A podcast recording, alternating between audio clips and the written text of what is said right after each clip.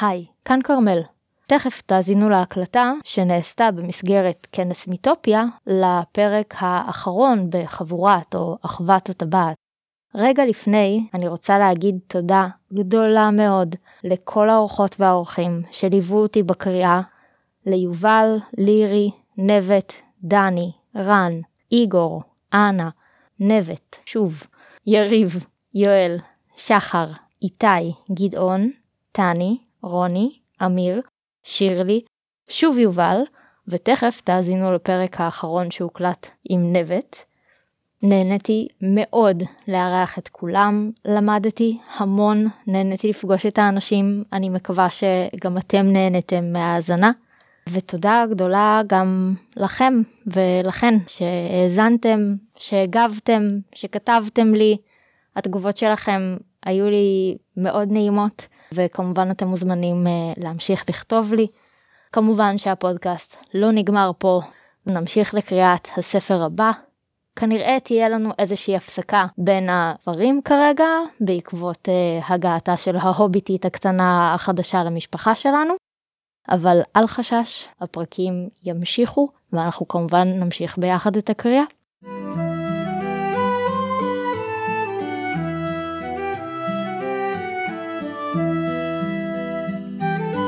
ברוכות וברוכים הבאים למסע לא צפוי, פודקאסט סולקינאי. אני כרמל ארוד-לוזובר, ומעולם לא קראתי שר הטבעות. נמצאת איתי פה נווט טכנאי, היי נווט. היי, אני נווט טכנאי, אה, וברוכים וברוכות הבאים לכנס מיטופיה 2022, שאיזה כיף שהוא קרה. ממש, ממש. אה, אני מתרגשת, וממש כיף שבאתם. אנחנו נמצאים היום במיטופיה, ומה שאנחנו נעשה עכשיו זה איזושהי הקלטה, שאנחנו נדבר בה על הפרק האחרון בכרך הראשון של אחוות או חבורת הטבעת. אז נדבר על הפרק האגודה המתפרדת או האחווה הנפרדת. יצא לכם להאזין לפודקאסט בעבר? מי הגיע לפה בטעות כי הוא הלך לאיבוד? לא, כולם סבבה. אה, אז אה, רק איזה תזכורת קצרה, אני לא קראתי את הספרים. זאת אומרת, עכשיו אני יכולה להגיד שקראתי את הכרך הראשון. אני לא יודעת מה קורה קדימה. היום בערב אני הולכת לראות את הסרט, אחרי שלא ראיתי אותו, לא יודעת כמה זמן, ראיתי אותו פעם אחת לפני המון המון זמן. אין לי מושג מה קורה בהמשך. מה שאומר, בלי ספוילרים לכרמל, לא בשאלות בסוף, לא עכשיו, לא אחר כך, לא לאורך כל הכנס. עבדתי מאוד קשה כדי לשמור עליה לא מספוילרת, ואף אחד מכם לא יהרוס לי את זה. כן, אני משתדלת. אז אנחנו נתחיל, אה, כמו כל פרק, מאיזשהו תקציר של הפרק הנוכחי. החבורה צריכה להחליט לאן הם ממשיכים. יש איזשהו שלב שפרודו מבקש מהם ללכת לחשוב על הדברים לבד. אבל בזמן שהוא הולך וחושב ולא מצליח להחליט, מגיע אליו בורומיר, שמנסה לשכנע אותו להמשיך איתו למינסטירית. הוא מלחיץ את פרודו, ובתגובה פרודו עונד את הטבעת ונעלם. בשלב הזה הוא מבין שהוא צריך לצאת למורדור לבד. כשאומרים ביפה והחיה, I'm afraid I've been thinking, a dangerous pastime I know, על זה מדברים. זה באמת היה, הזמן הזה שפרודו לקח לחשוב היה פטאלי. אל תחשבו. טליה כנראה חיוני. אז כמו שאמרנו, החבורה הגיעה לאיזושהי חניית לילה, בלילה לא קורה יותר מדי. ארגורן כן לא שקט, יש לו כל פעם את האינטואיציות שלו, והוא אה, מבקש, אה, מתעורר, מבקש מפרודו שנמצא בשמירה לשלוף את עוקץ, רואים שהיא זוהרת אבל חלש. אז הוא מבין שיש אורקים איפשהו באזור, יכול להיות שהם נמצאים בצד של הנהר, שבדרך כלל הם לא נמצאים בו. כנראה יש איזשהו אויב בסביבה. כן, והפסקאות הראשונות באמת נותנות לנו איזו תחושת סכנה שהולכת ומתקרבת. כל הזמן דיברנו גם בפרק שבו אה, דני השתתף, דיברנו על תחושת הסכנה שזוחלת, הולכת ומתקרבת מהפלך. ובאמת, אנחנו עולים פה כל הזמן בתחושת הזוועות, בתחושת הסכנה, וכשהחרב זוהרת באור קלוש, זה עושה סוג של אה, מה שנקרא אפקט הדלת הסגורה. זה לא כמו המפגש הראשון נגיד עם הזאבים בהטבעת יורדת דרומה, שהם פשוט הופיעו שם וידענו מה זה, וידענו להילחם בהם, והמפלצות היו עלינו. עכשיו אנחנו מדמיינים, אנחנו לא יודעים, האורקים פה, האורקים שם, הם רחוקים, כמה הם, איזה סוג של בעיות האויב מתכנן בשבילנו כרגע. והדמיון שלנו שמשלים את החסר, יוצר באמת את האפקט המפחיד הזה. זה פרק שמתחיל מתחושת האימה הזאת ומניח את הסצנה בשביל מה שיבוא אחר כך. כן, תחושת האימה ממשיכה, אבל לא מאורקים כרגע. הבוקר עולה, ארגורן מכנס את החבורה, ואני אקריא קצת מתוך הספר. יום של הכרעה, שדחינו אותו זמן רב. מה יהיה דינה של החבורה שלנו, שעשתה דרכה עד כה כאגודה אחת? הנפנה מערבה עם בורומיר, ונילחם את מלחמת גונדור? הנפנה מזרחה אל האימה והצל? או שמא תתפרד האגודה, וילך כל איש בדרך אשר יבחר בה. עכשיו, אני לא יודעת אם בשלב הזה ארגורן לקח בכלל איזושהי החלטה בעצמו, הרי הם כל הזמן דחו ודחו את, ה, את הקץ. אין לו מושג מה הייתה התוכנית של גנדלף, הוא גם לא יכול כרגע לפצל את החבורה ולהיות בשתי המשימות במקביל. זאת אומרת, יכול להיות שלפני זה הוא קיווה להגיע לגונדור ולמינסטירית, ושגנדלף ילווה את אה, פרודו למורדור, זה כמובן לא יכול לקרות כרגע, אז הוא בבעיה, הוא חייב לבחור. בחירה שהיא מאוד כבדה מבחינתו. והיחידי שכביכול ניתנת לו זכות הבחירה כרגע על עצמו זה פרודו, כי הוא נושא הטבעת והוא צריך להחליט מה קורה עכשיו. פרודו מבקש לחשוב על זה לבד. וסם אומר, זה ברור כשמש, אבל לא יועיל אם סם גמג'י יגיד את מה שיש לו להגיד. אני חשבתי שמה שברור לסם זה שפרודו צריך ללכת למורדור, אין פה שום תועלת בהמשך המסע של פרודו למינסטירית. הם לא מתכוונים להשתמש בטבעת בקרב הזה. אז זה סתם מעכב את הדרך, זה סתם מסכן את פרודו. כשקראתי את מה שסם אומר, לא ידעתי אם זה באמת מה שהוא חושב, אבל זה היה ההיגיון שלי בשלב הזה בפרק. בהמשך אנחנו רואים שזה גם מה שהוא חשב, נדבר על זה אחר כך. כן, נראה לי שבשלב הזה כולם יודעים מה צריך לעשות, הם פשוט פוחדים לעשות את זה, לפחות מבחינת פרודו וסם, כאילו אני חושבת שסם סם יודע מה פרודו היה רוצה לעשות, הוא יודע מה פרודו צריך לעשות, והוא יודע שהוא מדחיין לא כי הוא לא יודע וכי הוא מתלבט והוא חושב על זה, אלא כי, כי זה משהו שהוא ממש קשה לעשות. פרודו כרגע סוחב לא רק את הטבעת, הוא סוחב עליו את כל החבורה. הוא סוחב עליו את ההחלטה, את הרצונות השונים של כולם, את הדרכים השונות של, שהם רוצים ללכת בהם. וזה כבד ממש, וגם בגלל זה הוא צריך ללכת רגע בנפרד, כדי לגבש את עצמו קצת לבד, בעצמו. וזה קטע ממש ממש מותח. אני אישית, לפחות כשקראתי את זה, בטח בפעם הראשונה, והייתי עם הטינג'רית, אה, נורא פחדתי. בואו, אנחנו בנות לא הולכות לשירותים לבד אפילו, אז כאילו, ללכת עם הטבעת למורדור לבד? לא נראה לי. הייתי במלא טיולים, וכאילו פחדתי להישאר לבד בשטח, והמחשבה בכלל כאילו לפצל את החבורה. והיום, גם בתור שחקנית מבוכים ודרקונים, אני כזה, לא מפצלים את החבורה. זה משהו שתמיד אומרים לילדים, חבורה שמתפצלת לשניים, מתפצלת לשניים פיזית. אל תעשו את זה. אה, כן, אבל גם בסרטי אימה, כאילו אם אתה הולך רגע לבדוק מה קורה איפשהו, אתה אולי לא חוזר. אה, כן. כן, בדיוק, כאילו כל, ה, כל האינסטינקטים אומרים נגד זה, אבל פרודו חייב לעשות את זה, הוא יודע שהוא חייב לעשות את זה, וסם יודע שפרודו יודע שהוא חייב לעשות את זה, ושזה מה שהוא יחליט בסוף, זה פשוט, זה גם איך לבשר את זה לחבורה, זה כזה, טוב, אה, היה אחלה, היה כיף, אנחנו אנחנו נתראה, ביי, כאילו כזה לשלח אותם עם כל העזרה וכל, ה... וכל הוויכוחים. זה פשוט המון המון ויכוחים שקראו את החבורה. אז באמת, כל ה... זה היה לאורך כל הדרך. נכון. כאילו יש להם כל מיני רגעים שהם לא לגמרי מסכימים מה קורה, והיה איזשהו מנהיג, בין אם זה היה גנדלף או אראגורן. כרגע הם בנקודה שהמנהיג הנוכחי, כאילו אין פה איזה משהו, he didn't put his foot down, כאילו זה, אין פה הכרעה שמגיעה ממנו. חושבת שזה עוד משהו שמסבך את פרודו, מסבך כל אחד מהם. לגמרי. יש פה גם את העניין של התמיכה. התמיכה גם של אראגורן, גם של סאם, הקטע הזה של לתת לפרודו את ה space שלו, מרגישים כאילו את ה... בהתחלה את ה... כזה, פרודו, הכל בסדר, פרודו, אתה רוצה מים, אתה רוצה רגע לחשוב, הם ממש כזה...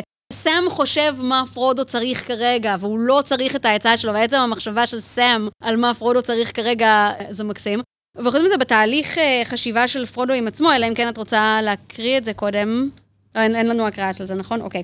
אז אה, פרודו לא מצליח להחליט, אני חושבת, כי הוא מנסה פה לחשוב כמו גנדלף. הוא מנסה לראות את הדברים מלמעלה, אבל הלו, פרודו, אתה נבחרת בגלל שאתה מלמטה, אתה כאילו... לא בגלל שאתה נמוך, כאילו גם, אבל נבחרת בגלל נקודת המבט הייחודית הזו של ההוביטים שרואים את הדברים קצת מלמטה, שהוביט סנס הזה, ה-common sense, ההיגיון הבריא של הוביטים ש- שפשוט יודעים מה צריך לעשות ועושים אותו. כי זה מה שעושים, כי זה מה שצריך, כי כולם יודעים את זה. ופרודו מנסה לצאת ולראות את התמונה הגדולה, והוא לא יכול, ואני חושבת שזה עוד משהו שמאוד מעכב אותו, את הבחירה וההחלטה שלו. אני לא יודעת אם הוא בנקודה באותו רגע שהוא יכול להסתכל על הדברים מבחוץ, כאילו הוא כבר תקופה בתוך המסע הזה, זה פיזית יושב עליו, זה נפשית יושב עליו, אז הוא לוקח רגע והוא הולך לחשוב בצד, ומה שמתואר לנו בפרק זה שסם שם לב שבורומיר עוקב אחריו במבט, וסם כבר איזשהו זמן שם לב שבורומיר אה, קצת מוזר ובוהה בפרודו מדי פעם. פרודו עולה על אה, גבעה, יש עליה מדרגות, ואז איזושהי אבן שטוחה בפסגה, והוא משקיף משם על הנהר, ואנחנו רואים עופות שחגים מסביב, שאנחנו משום מה לא אוהבים עופות. והוא חושב על כל מה שקרה מאז שהוא קיבל את הטבעת, והוא לא מצליח להגיע להחלטה. ואז הוא מרגיש שמשהו לא ידידותי מסתכל עליו. עכשיו, היה לנו ממש בנייה של זה, כבר בערך ממוריה, ועוד יותר בפרקים האחרונים, שיש לנו את uh, גולום שזה קייקים uh, בנהר אחריהם. אני חשבתי שזה גולום. אני קוראת את זה, וכאילו, זה החלק השני בספר שקראתי, שהפעם הראשונה שזה קרה לי היה במתקפה על אה, קריק הולו, שחשבתי שהולכים לגמור את אה, פטי. אני קוראת את זה, אני אומרת, אוי, לא. אוי, לא. אבל זה לא היה גולום, זה בורומיר. יש עוד מישהו פה שהתבלבל בין בורומיר לגולום, או שזה רק כרמל? לא, הרימו לי להנחתה הזאת, באמת, זה, זה היה אמור להיות גולום, אבל זה לא. העניין הוא שגם כשגיליתי שזה לא גולום, זה לא גרם לי להרגיש טוב יותר. עדיין נשאר לי איזה אוי לא קטן שם, אני ובורומיר. אתם עוד תראו. לא חשבתי שזה הולך למקום טוב, ובורומיר קצת אה, משחק אותה, אני חושבת שזה החרטא, הוא אומר שהוא הגיע כי הוא חשש לשלומו של פרודו, יש אורקים באזור, עדיף שלא נתפצל, בסדר. והוא אומר, אולי אם רק שנינו נדבר וזה לא יהיה כל המריבות של כולם ביחד, נצליח אה, לחשוב ביחד מה עושים. שזה בתכלס נכון. אולי, אבל הוא לא מגיע ממקום נקי, והנה אנחנו נראה מה פרודו אומר לו. מתוך הספר, פרודו אומר, סבור אני שכבר אני יודע את עצתך, בורומיר. עשויה הייתה להיראות נבונה, אלמלא אזהרת ליבי. אזהרה? אזהרה נגד מי? החריף בורומיר קולו. נגד הדחייה. נגד הדרך שהיא לכאורה קלה יותר. נגד הסירוב לשאת בעול שהוטל עליי. נגד, ובכן, אם חייבים הדברים להיאמר, נגד השלכת יהבי על כוחם ועל כנותם של בני אדם. קצת אאוץ', אבל legit. פרודו באמת לא חושב שהוא צריך ללכת לגונדור, אבל הוא באמת מפחד, הוא אומר, אני אראה לקבל את ההחלטה באופן סופי, וגם הוא מבין שכל עוד הטבעת קיימת, אין תקווה. לא יעזור ללכת ולנסות להחביא אותה במין אסתירית, זה לא יעבוד. ואז אנחנו רואים שההתנהגות של בורומיר מתחילה להיות ממש לא הולמת, בעיניי לפחות. הוא מבקש לראות שוב את הטבעת, פרודו מסרב, ויש פה איזשהו תיאור שקצת הזכיר לי, אם אנחנו נחזור רגע לפרק של המועצה של אלרונד, מועצת אלרונד, יש חלק שבו תואר איך פרש שחור הגיע לממלכה של הגמדאים, ומספרים שיש איזה הוביט עם סתם איזה טבעת קטנה כזאת, לא חשובה. אז גם ברומיר נותן פה איזשהו תיאור של מה, הדבר הקטן הזה, בוא נראה את זה רגע. מה אכפת לך? תוציא אותה שנייה. פרודו כמובן לא מוציא את הטבעת. כבר קיבלנו על זה רמזים, זה לא הפעם הראשונה שזה עולה, אבל בורומיר לא השתכנע שהטבעת צריכה ללכת למורדור. זאת אומרת, הוא חושב שאם פרודו ילך למורדור, יכול מאוד להיות שהאויב יתפוס אותו, הוא חושב שכל עוד הטבעת בידיים שלהם, זה דווקא בסדר, אולי כן אפשר להשתמש בה. הוא לא חושב שהטבעת תשחית בני אדם שהם uh, מספיק טובים, לא יודעת איך לקרוא לזה, um, ההיסטוריה אומרת אחרת. עיין ערך uh, נזגול, לדוגמה. הוא חושב שזה יעזור להגן על מין אסתירית, ולאט לאט הוא מתחיל להיסחף בדיבור, נכנס לאיזה אקסטזה, הוא אומר, uh, התחלנו לדבר יותר על הגנה, אחרי זה הוא אומר שבני האדם יאספו תחת גלו, ויהיה לו איזה צבא וניצחונות, והוא ממש כזה נכנס לאיזה טירוף שם. ואז הוא אומר לפרודו, מדוע אתה עוין כה? איש כן אנוכי, לא גנב ולא תכססן. אני זקוק לטבעת שלך. כבר אתה יודע זאת. אך אני מבטיח לך בהן צדקי, שאין אני שואף להחזיק בה. הלא תיתן לי לפחות לנסות את תוכניתי? השעה לי את הטבעת. לא ברור לי אם הוא מדמיין שהוא באמת יכול להשאיל אותה. אנחנו לא מכירים אף מקרה בהיסטוריה של הטבעת שהיא הייתה ברשותו של מישהו והוא ויתר עליה חוץ מ... חוץ מבילבו. אז יכול להיות שהוא באמת מאמין בדברים האלה, יכול להיות שהוא מנסה ככה לשכנע אותו למסור את הטבעת והוא אפילו לא חושב שזה יקרה. ופה, דיברתי קצת עם נבט על זה לפני הכנס היום, פה פתאום נפל לי האסימון שיש פה איזושהי השפעה ממש של סאורון דרך הטבעת. זאת אומרת, כבר, כבר ראינו מקרים שבהם הטבעת גורמת לדמויות, פרודו לדוגמה, להתחיל להגיד כל מיני דברים, שכנועים עצמיים, הזויים קצת, או שהגיוניים באותו רגע, חושב בעיקר על עצמו, וזה די מניפולטיבי, אבל, אבל פעמים הקודמות זה היה כדי שפרודו יוכל להיחלץ מצרה. ועכשיו אנחנו רואים פה משהו שמנסה להביא תועלת לאדם מסוים או לממלכה שלו, אז זה ממש מרגיש איך המניפולציה של הטבעת משפיעה עליו. תקראי לילד בשמו, אנחנו התווכחנו. אנחנו התווכחנו על זה הרבה, כי למישהי פה יש הרבה מאוד חמלה כלפי בורומיר, כמו ששמתם לב. זאת לא אני. לאחת מאיתנו. יש הרבה מאוד חמלה כלפי בורומיר, ואני כל הזמן אמרתי לכרמל, זה ההשפעות של הטבעת, זה ההשפעות של הטבעת, וכרמל כזה, את לא יכולה להפיל את כל האחריות לכל מה שבורומיר עושה על הטבעת, נאבט. אז, אבל אז, אז אני שמחה שאת uh, סוף סוף ראית את האור, או יותר נכון את החושך uh, של הטבעת, ועכשיו את מסכימה איתי שהיא עושה את הדברים האלה לאנשים. אני מסכימה, וכתבתי את ההערה הזאת בהמשך, אבל uh, אני אגיד את זה עכשיו. יש פה עוד דמויות שנמצאות ליד הטבעת, והן לא מתחרפנות לגמרי, נכון? אוקיי. כי הטבעת בוחרת את המטרה הכי, uh, הכי חדשה. כאילו, אני חושבת שהיא משפיעה על כולם באיזשהו אופן, אבל על, על חלק זה פשוט מתבטא בצורה יותר חלשה, ועל חלק בצורה יותר חזקה, כמו תסמיני קורונה. יש כאלה שחוטפים את זה ממש חולים, ויש כאלה שכאילו אסימפטומטיים. האחרים, האחרים מושפעים מהטבעת באופן אסימפטומטי. אז בורומיר מראה סימפטומים קשים. בור... בורומיר חטף ממש חזק. הוא צריך בידוד. סליחה, אני אפסיק. אגריד. בכל מקרה, בורומיר חושב שפרודו לא צריך ללכת למורדור, הוא חושב שזה בעייתי, והוא חושב שבכלל אה, להוביטים אין זכות להחזיק בטבעת, שהיא צריכה להיות אצל אה, אנשי נומנור. זה מראה לנו מאיזה תרבות בורומיר מגיע, שהיא כל כולה כאילו מבוססת על בתים וירושה ו- ובתי אצולה וכאלה. הוא גם כל הזמן קורא להוביטים אה, בני מחצית או זוטונים, תלוי באיזה תרגום אנחנו, זאת אומרת, המבט שלו על, על פרודו ועל כל ההוביטים, והוא גם מקלל את כל ההוביטים אחר כך, הוא די מתנשא. כנראה לא חושב שיש לו יכולות. לא יודעת אם הוא בכלל מאמין במשימה של ללכת למורדור, אבל הוא אומר, כאילו, אתה תלך למורדור, זה לא יעבוד. כאילו, והוא הספיק לגבש דעה על היכולות של הוביטים במהלך המסע, הוא ראה אותם במהלך המסע, הוא היה צריך לסחוב אותם בקרדרס, כאילו, אני איכשהו קצת יכולה להבין. לא רק שם, כן, למה הוא לא התרשם מהם יותר מדי? כן, הם, הם כמעט מתים כל הזמן, ואז לא, זה שווה משהו. הם גם קצת, אולי זה פה, כאילו, יש פה את ה... הרבה פעמים מדברים על ההוביטים בתור הילדים של הארץ התיכונה.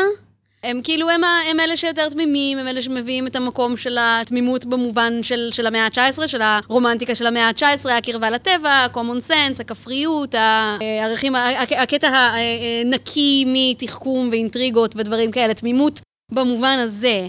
ואני חושבת שאנחנו רואים פה יפה איך בורומיר, איש גונדור, שבדיוק מגיע מהעיר, יש לנו פה את הקונפליקט בין העיר והכפר, הוא ממש מגיע מהעיר, ממין הסטירית, איפה שכל הפוליטיקה והאינטריגות וכל זה, והוא רואה חיסרון בילדותיות ובתמימות הזו של ההוביטים, כאילו. וזו נקודת מבט מעניינת, שלא חשבתי עליה, התרגלתי לראות, אה, ברור, ההוביטים הם כאילו טהורי לבב, וזה הם אלה שינצחו בסופו של דבר את האפלה והשר האפל, אבל זה כל כך, אה, אני חושבת, קל כשבאים מהמקום שממנו בורומיר מגיע לראות את זה כנאיביות.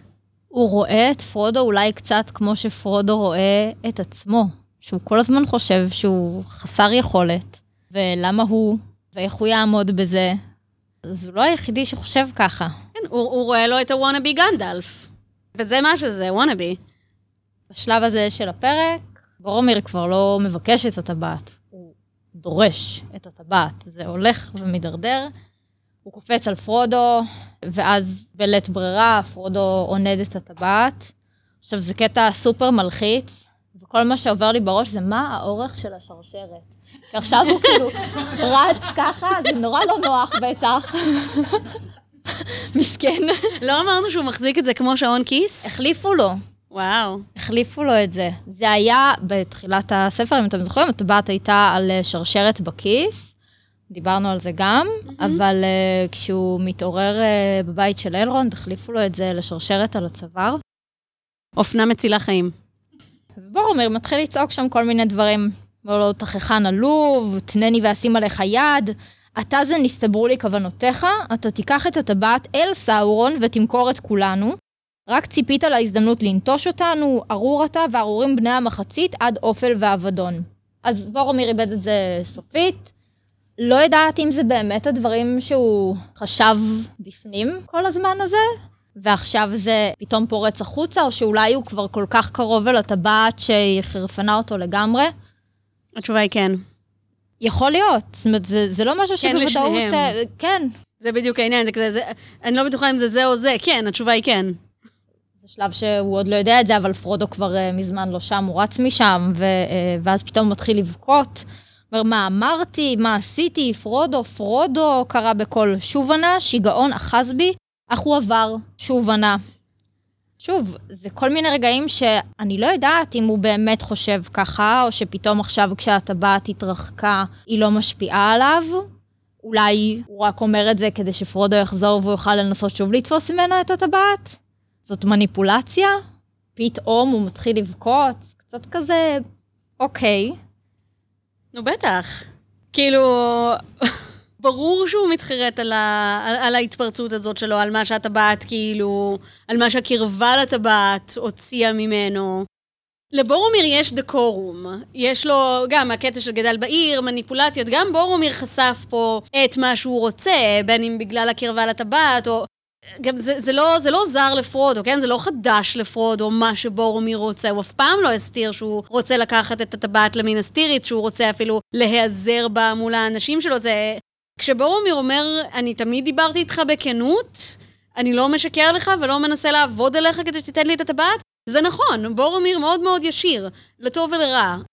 וכשהישירות שלו, הבעיה עם ישירות זה שהיא לפעמים הופכת להיות אלימה, וזה מה שקרה פה לבורומיר. אני חושבת, הטבעת, הקרבה לטבעת הוציאה ממנו את, ה, את הישירות הזאת, את התכלסיות, את הדפיקה על השולחן, וזה מה שצריך לעשות עכשיו, כאלימות. ואני חושבת שעל זה הוא מתחרט כי הוא לא... הוא לוחם, אבל הוא לא... אבל הוא יודע יותר טוב מאשר להפנות את האלימות שלו כלפי חבר לפלוגה, כלפי אחלה נשק. אה, הוא יודע לא לעשות את זה. באופן כללי, זה קטע שהוא ממש ממש שובר את הלב. הוא מראה... זה, זה גם בורומיר, כאילו, בואו, הייתי בת 15, הסרטים בדיוק יצאו, היה לי קראש מטורף עליו. אה, אתה יודע, זה, זה אה, יכול היה להסתדר בינינו, אלא יכלו להיות אנחנו, אבל אתה משחק משחקים. אה, באמת, והוא שבר, הוא שבר לי את הלב פה עם הבגידה הזאת, כאילו, ממש. ואני חושבת שהוא כן, רואים איך הוא קצת מדבר פה בקול של הטבעת, בדברים שהוא אומר, בזה שהוא... זה מאוד הגישה של ה... לא סתם של הלוחם, של האסטרטג. הוא מנסה שוב ושוב, מכל מיני זוויות ובכל מיני דרכים. הוא מנסה דיבור תקיף, צבאי, דפיקות על השולחן. הוא מנסה דיבור רך ומשכנע. הוא מנסה האשמות בבגידה, ואז מניח לו יד ידידותית על הכתף וכזה, בוא, פרודו, המסע הזה ממש כבד בשבילך. וזה משהו שמאוד מאפיין את הרוע אצל טולקין הרבה פעמים באופן כללי. הוא מחליף קולות בהתאם לאינטרסים שלו כרגע. הרוע מאוד קשור אצל טולקין להעמדת פנים, ללבישה ופשיטה של צורות. הוא אף פעם לא יהיה אמיתי במאה אחוז, ותמיד יהיה לו איזושהי כוונה מאחורי ההחלפה הזאת של מה שהוא אומר. כן, אני חשבתי שזה משהו שאולי, ושוב, לא, לא קראתי ההוביט, אבל כאילו, מהמעט שאני זוכרת איך שמציגים לנו את אה, גולום, שיש את כל השיחות שהוא מנהל עם כמו פיצולי אישיות שלו, שרגע אחד זה סופר אגרסיבי ורגע אחד זה כזה, אה, חמוד. המעברים שם היו מאוד חדים בשיחה של אה, פרודו ובורומיר, אז אולי אני משתכנעת שזה הטבעת. זה לגמרי, זהו, כאילו, אני חושבת שזה בדיוק ערבוב של שניהם, כי אנחנו רואים פה יופי איך הטבעת פועלת ב live, בשטח. עד עכשיו אמרנו, כאילו, ראינו בדיעבד, גנדלף אומר לנו איך הטבעת פועלת על בילבו, ואז הוא אומר לנו אה, איך הטבעת אה, פועלת על, פעלה על גולום והפכה אותו להיות משהו, ועכשיו אנחנו רואים ממש את תחילת התהליך בלייב אה, קורה כרגע, כלומר הטבעת מתיישבת על רצונות קיימים ומעוותת אותם לצרכים שלה, ויש בתוך הטיעונים האלה של בורומיר בדיוק מספיק מהטבעת ובדיוק מספיק ממה שבורומיר רוצה, כדי שזה יהיה מאוד מבלבל ומאוד לא ברור עם מי אנחנו מדברים כרגע. וזה מה שנקרא Uncanny, זה על ביתי. זה נראה כמו האדם שמוכר לנו, אבל אנחנו לא לגמרי בטוחים האם זה באמת הוא. זה מוכר וזר בעת ובעונה אחת. וגם עבור פרודו וגם עבורנו כקוראים של הסצנה המאוד סינמטית הזאת, זה מפחיד. זה מערער. זה פרק אימה כל כך קלאסי. באופן כללי, אני חושבת שכבר בקריאה שעשינו אז בקבוצת ספרים של שר הטבעות, הקריאה המשותפת, הופתעתי כמה אימה יש בטולקין. ממש, כאילו, יש רגעי אימה קלאסיים, מכל מיני ז'אנרים של אימה, אגב, וזה, כאילו, אני מצאתי את זה סופר מגניב, ואני חושבת שבאמת הרבה כותבי אימה נוגעים בפנטזיה ומחבבים את טולקין בגלל זה. ובהזדמנות הזאת אני אמליץ לכל מי שלא מקשיב ל Magnus Archives, הפודקאסט, פודקאסט אימה משובח, על Magnus Archives, אה, עונה חמש, כולה, מההתחלה עד הסוף, היא reference אחד גדול לשר הטבעות, וזה מהמם. אה, הפסקת פרסומות. תוכנית מוגשת בחסות סתם. כן, לגמרי. אז בכל אופן, וכן, עוד משהו שהרוע עושה זה קטע של אה, להתנער מאחריות.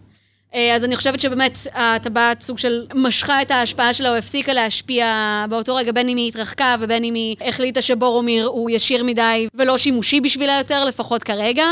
ומשאירה אותו באמת להתמודד לבד עם ההשלכות של, של מה שהוא עשה, שהוא תקף בן ברית. ובורומיר פשוט נשאר שם באמת, באמת שבור, אני חושבת. כן, ופרודו כבר uh, רחוק משם. הוא הגיע לפסגת המון הן, uh, זה, יש לנו את הפרק הקודם מתארים לנו את uh, גבעת או פסגת הראייה והשמיעה או גבעת העין. הוא מתיישב שם על איזשהו uh, כיסא מלכות או תצפית, לא יודעת איך לתאר אותו, שבור וישן כזה. הטבעת עדיין עליו, הוא לא הוריד אותה עדיין, ואז הוא מתחיל לראות חזיונות. רואה מהתצפית הזאת לכל מיני כיוונים, מתחילים לתאר לנו אותות של מלחמה בכל מקום. הוא רואה את מינסטירית, לרגע זה ככה נותן לו תקווה, אבל אז יש מצודה גדולה וחזקה ממנה ממול, זאת אומרת, אה, כל מקום יש לנו איזה מיליון חזיתות סביב.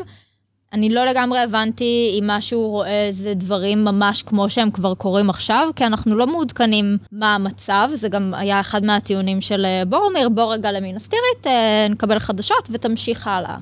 אז אני לא יודעת אם זה דברים שבאמת כבר מתרחשים, אני לא יודעת אם זה משהו שגורם לו ככה לראות מה הולך להיות קדימה. ויש לנו גם איזשהו תיאור שהעין שלו, הראייה שלו נמשכת בעל כורחה מזרחה.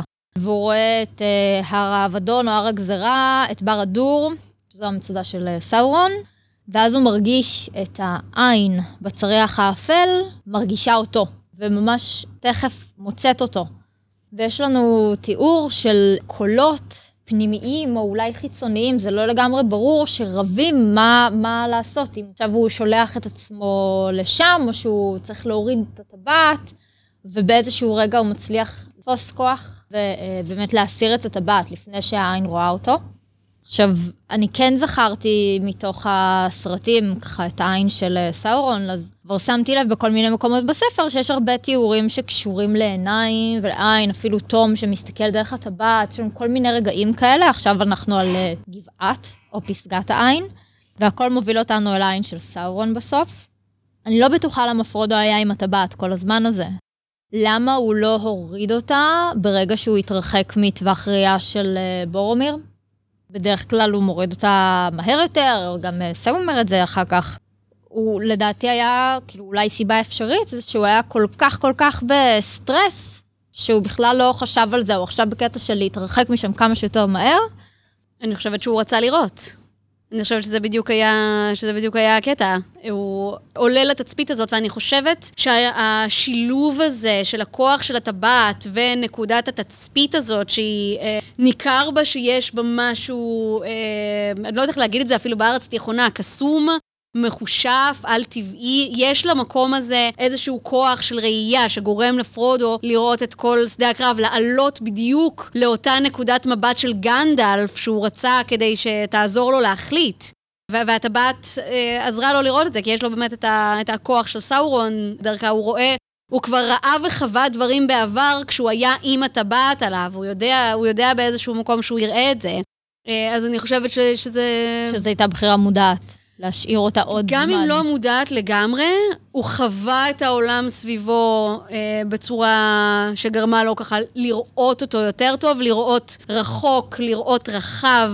אז הוא כבר כאילו, אפשר להגיד שהמראות האלה תפסו אותו והוא לא הוריד אותה, אבל אני חושבת שזה באמת, זה הרצון הזה לראות את הדברים מנקודת המבט של, של גנדלף, לראות את כל שדה הקרב רק לרגע, להיות אחד האלה שמזיזים את הכוחות, לא, לא, לא רק פיון. אה, הוא רואה עכשיו את כל הלוח. ואני חושבת לגבי מה ששאלת על האם אלה דברים שקורים עכשיו, או משהו ש, שעתיד להתרחש, אני חושבת שגם וגם. איזשהו שילוב של הדברים, כי כל המקומות האלה מאוימים. אני לא זוכרת אם, לדעתי זה כבר נאמר באחד הפרקים הקודמים, על uh, גימלי ולגולס, על המלחמה השיגה אותם בארצותיהם שלהם, או משהו כזה.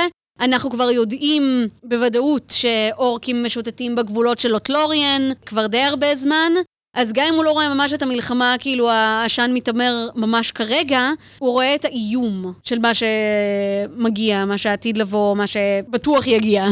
כן, אז נראה לי שזה איזשהו שילוב של שני הדברים. הצליח להוריד את הטבעת. כרגע הוא עם בעיית אמון מאוד חמורה. הוא לא יכול לחזור אל החבורה. מראש זה גם אחד הדברים שהקשו עליו את הבחירה, הפרידה. אז הוא מחליט לצאת למורדור לבד, בלי להיפרד מהחבורה, והוא גם מבין שהם מחפשים אותו. עבר כבר הרבה זמן, אז כדי להימנע ממפגש, מה הדבר הכי הגיוני לעשות? הוא מחזיר את הטבעת, זה מה שדוד בילבו היה עושה. זה רק אה, כאילו ביליה באזור. כן. ומחזירים אותנו בפרק למה שקרה פלוס מינוס במקביל לזמן שברומיר ופרודו דיברו. חבורה בינתיים ניסו כזה לדבר על כל מיני דברים, אבל בסוף כל השיחה מתנקזת למה עושים, לאן ממשיכים. הדרך כנראה יותר מסוכנת אפילו ממה שקיווינו שהיא תהיה, כי גולום שם באזור, ויכול להיות שהוא מוסר ידיעות לאויב, שזה בטוח לא טוב, וללכת עכשיו למינסטירית עם הטבעת. לא חושבים שיצליחו לשמור עליה בסוד שם. כל הכוחות שיש במינסטירית גם לא יצליחו להגן ולהתמודד עם כוחות ממורדור, אז הפתרון זה להשמיד אותה, וזה סתם איזשהו אה, עיכוב. עכשיו, לגולס וגימלי מעדיפים ללכת למינסטירית, אבל הם אומרים, מה שפרודו עושה, אנחנו איתו, יש פה איזושהי נאמנות שלהם אליו. אראגורן מציע פיצול, הוא חושב שהוא וגימלי וסם צריכים ללוות את פרודו למורדור, והאחרים ממשיכים עם בורומיר. כמובן שמרי ופיפין לא מרוצים מהפיצול הזה, הם הגיעו כדי ללוות את פרודו עד הסוף, אבל הם גם זורקים שם בכמה מקרים שהם רוצים אה, לשכנע את פרודו לא ללכת למורדור בכלל, ואמרתי, יש פה עוד אה, כמה שלא הקשיבו בתדריך אצל אלרונד. רואים את זה ממש יפה בסרט, את ממש תהני מזה הערב. בספר, מה שסם אומר, את סליחתכם אבקש, איני סבור שאתם מכירים את אדוני מכל וכל. אין הוא מהסס בבחירת כיוון הדרך, מובן שלא. מה תועיל לו מן הסטירית? במחילה ממך, אדוני בורומיר, הוסיף והסב פניו. או אז נתחבר להם, כי בורומיר, שישב בעין אומר וגבו אל המעגל, שוב איננו שם.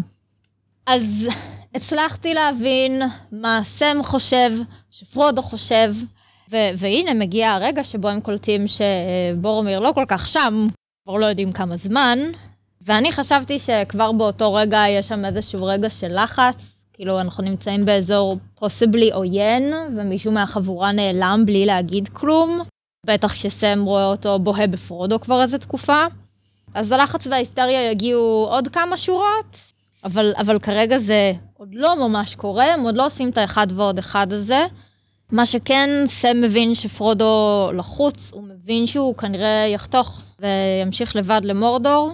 וארגון חושב שאין מה לנסות לעצור אותו, כי יש שם כוחות שהם גדולים יותר. כנראה בצדק הוא חושב את זה, ואז אומרים, טוב, כאילו עבר הזמן, בואו נלך לקרוא לפרודו.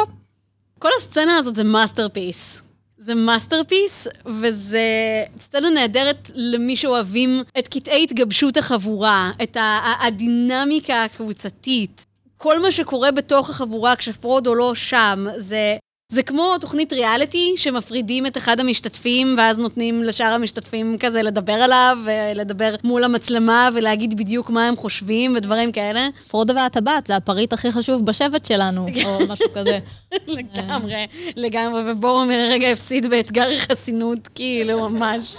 כל החבורה תצביע נגדו עכשיו. אז באמת, כאילו, זה ממש נהדר, כי אנחנו מקבלים גם על מה הם מדברים, טולקין אשכרה טורח לספר לנו על מה הם מדברים כשהם נחים. הם מדברים על ההרפתקאות שלהם, מה שנקרא, זוכרים את איש השלג שהכנו בקרדרס? איזה קטעים, אתם חושבים שהוא עוד שם? ואז יש את ה... הם מבקשים מארגורן לספר להם על מינה סטירית, ולדבר על ההיסטוריה של מינה סטירית, ועל הפסלים של האזור. אבל בסופו של דבר, כן, זה רק הסחות דעת, והשיחה שלהם כל הזמן חוזרת לפרודו. טוב, בואו לא נדבר על פרודו, כן, אנחנו מדברים על פרודו, אנחנו חושבים על פרודו כל הזמן. אל תחשבו על פילים ורודים כזה. זה יפה, זה חמוד, זה אנושי מצידם, גם אם לא כולם אנושיים לחלוטין. הם מודאגים, זה רודף אותם, ובסופו של דבר כל אחד שופך קצת מהמחשבות שלו על מה לדעתם צריך לעשות ומה לדעתם פרודו צריך להחליט.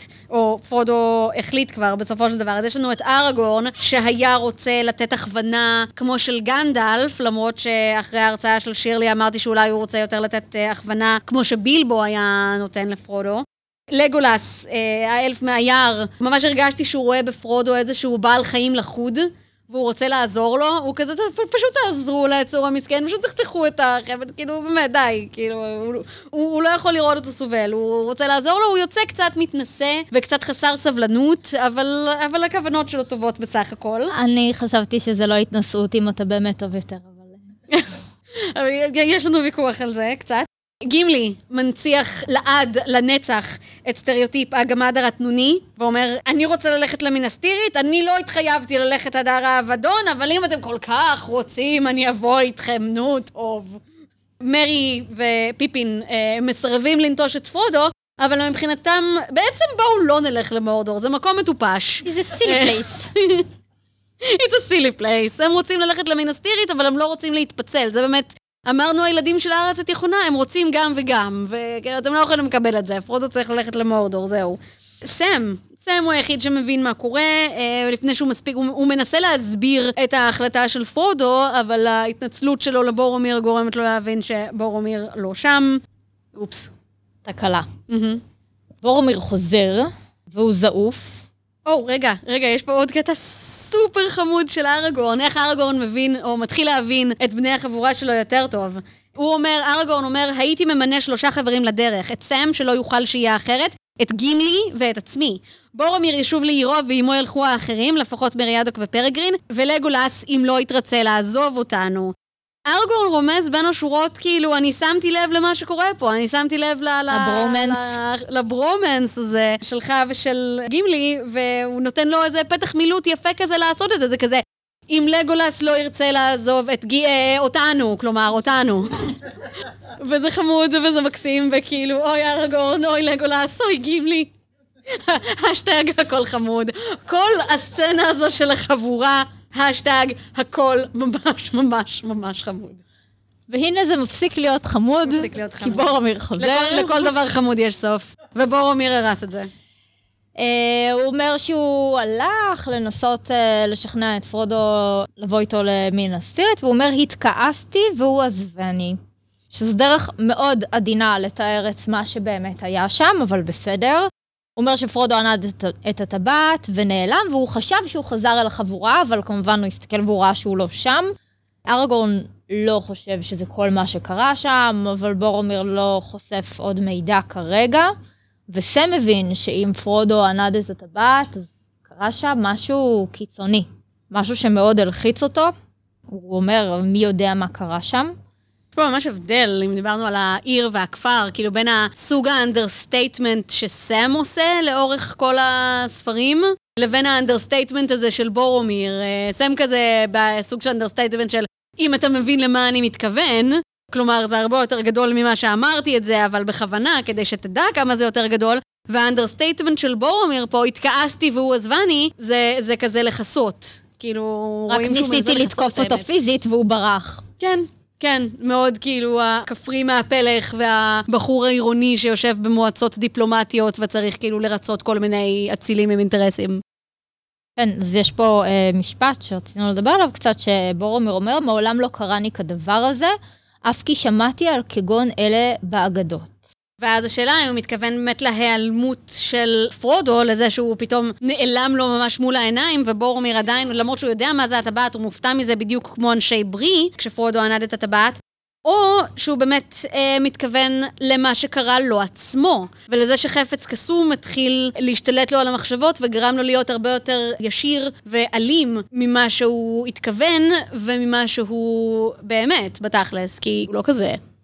אני לא, לא הייתי בטוחה, זאת אומרת, האוטומט שלי היה לחשוב שהוא מדבר על זה שפתאום פרודו נעלם. מצד שני, כבר ראינו כמה מקרים שבורומיר מדבר עם עצמו, על עצמו, בנוכחות החבורה, ככה בלי לשים לב ש, שזה משהו שהוא עושה, אז, אז יכול להיות שהוא מתכוון לזה, לא יודעת אם יש לכם איזושהי מחשבה, כאילו, מה, מה הוא ניסה להגיד שם? אולי שוב יש לנו פה איזשהו שילוב. מה שהוא אומר לחבורה זה שפרודו נעלם כבר לפני איזה שעה.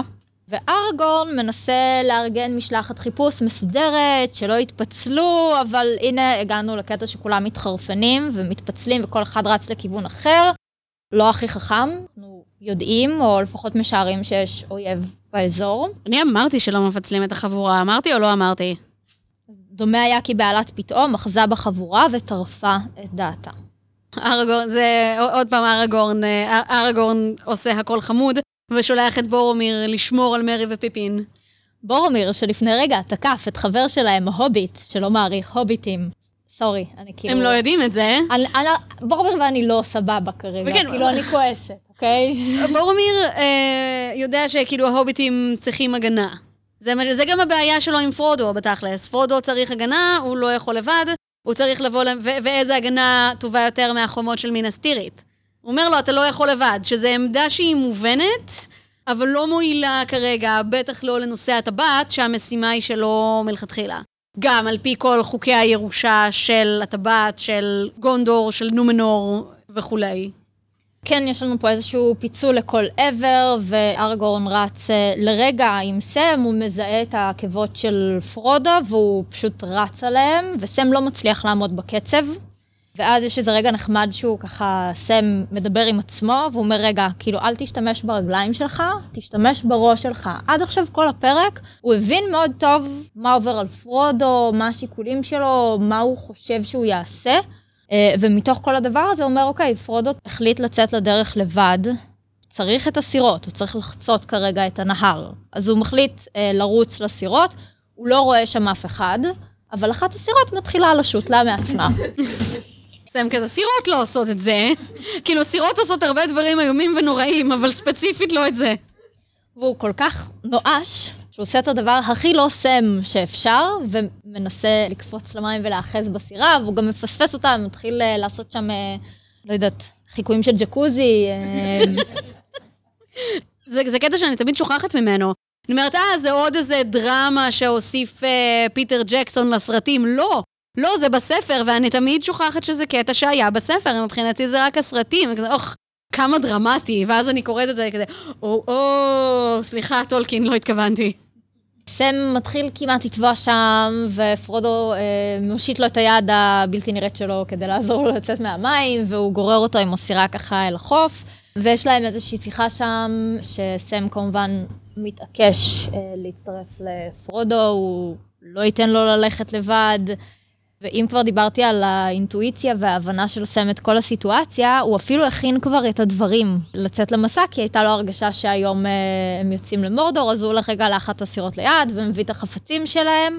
ופרודו אומר, שב ניסיתי להימלט ממך, אבל אני שמח, סם. לא אוכל לומר לך כמה אני שמח, הננו ונלך, מסתבר שנועדנו ללכת ביחד. ומשיתים את הסירה על הגדה המזרחית, הם מחביאים אותה שם, והם יוצאים אה, חלק הבא, לא יודעת אם להגיד האחרון אה, במסע. ואני רוצה להקריא משהו מתוך ספר אחר של טולקין.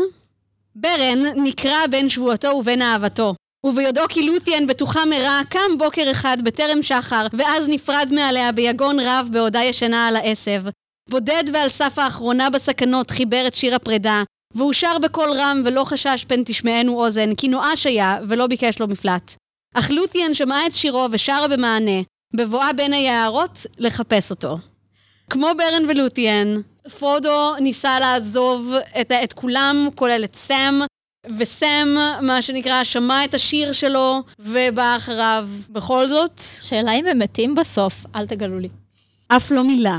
אז כן, הסיפור על ברן ולותיאן נכתב הרבה לפני שר הטבעות, ואני חושבת שיש לא מעט הדים בשר הטבעות לרגש הזה שמובא בסילמריליון, ובאמת הנאמנות הזאת של לותיאן ושל סם וחוסר הרצון של פרודו ושל ברן לסכן את היקרים להם במסע מסוכן, זה שני דברים שבהחלט אה, מהדהדים אחד את השני, והם עשו את זה הרבה לפני ספיידרמן של טובי מגווייר, בואו.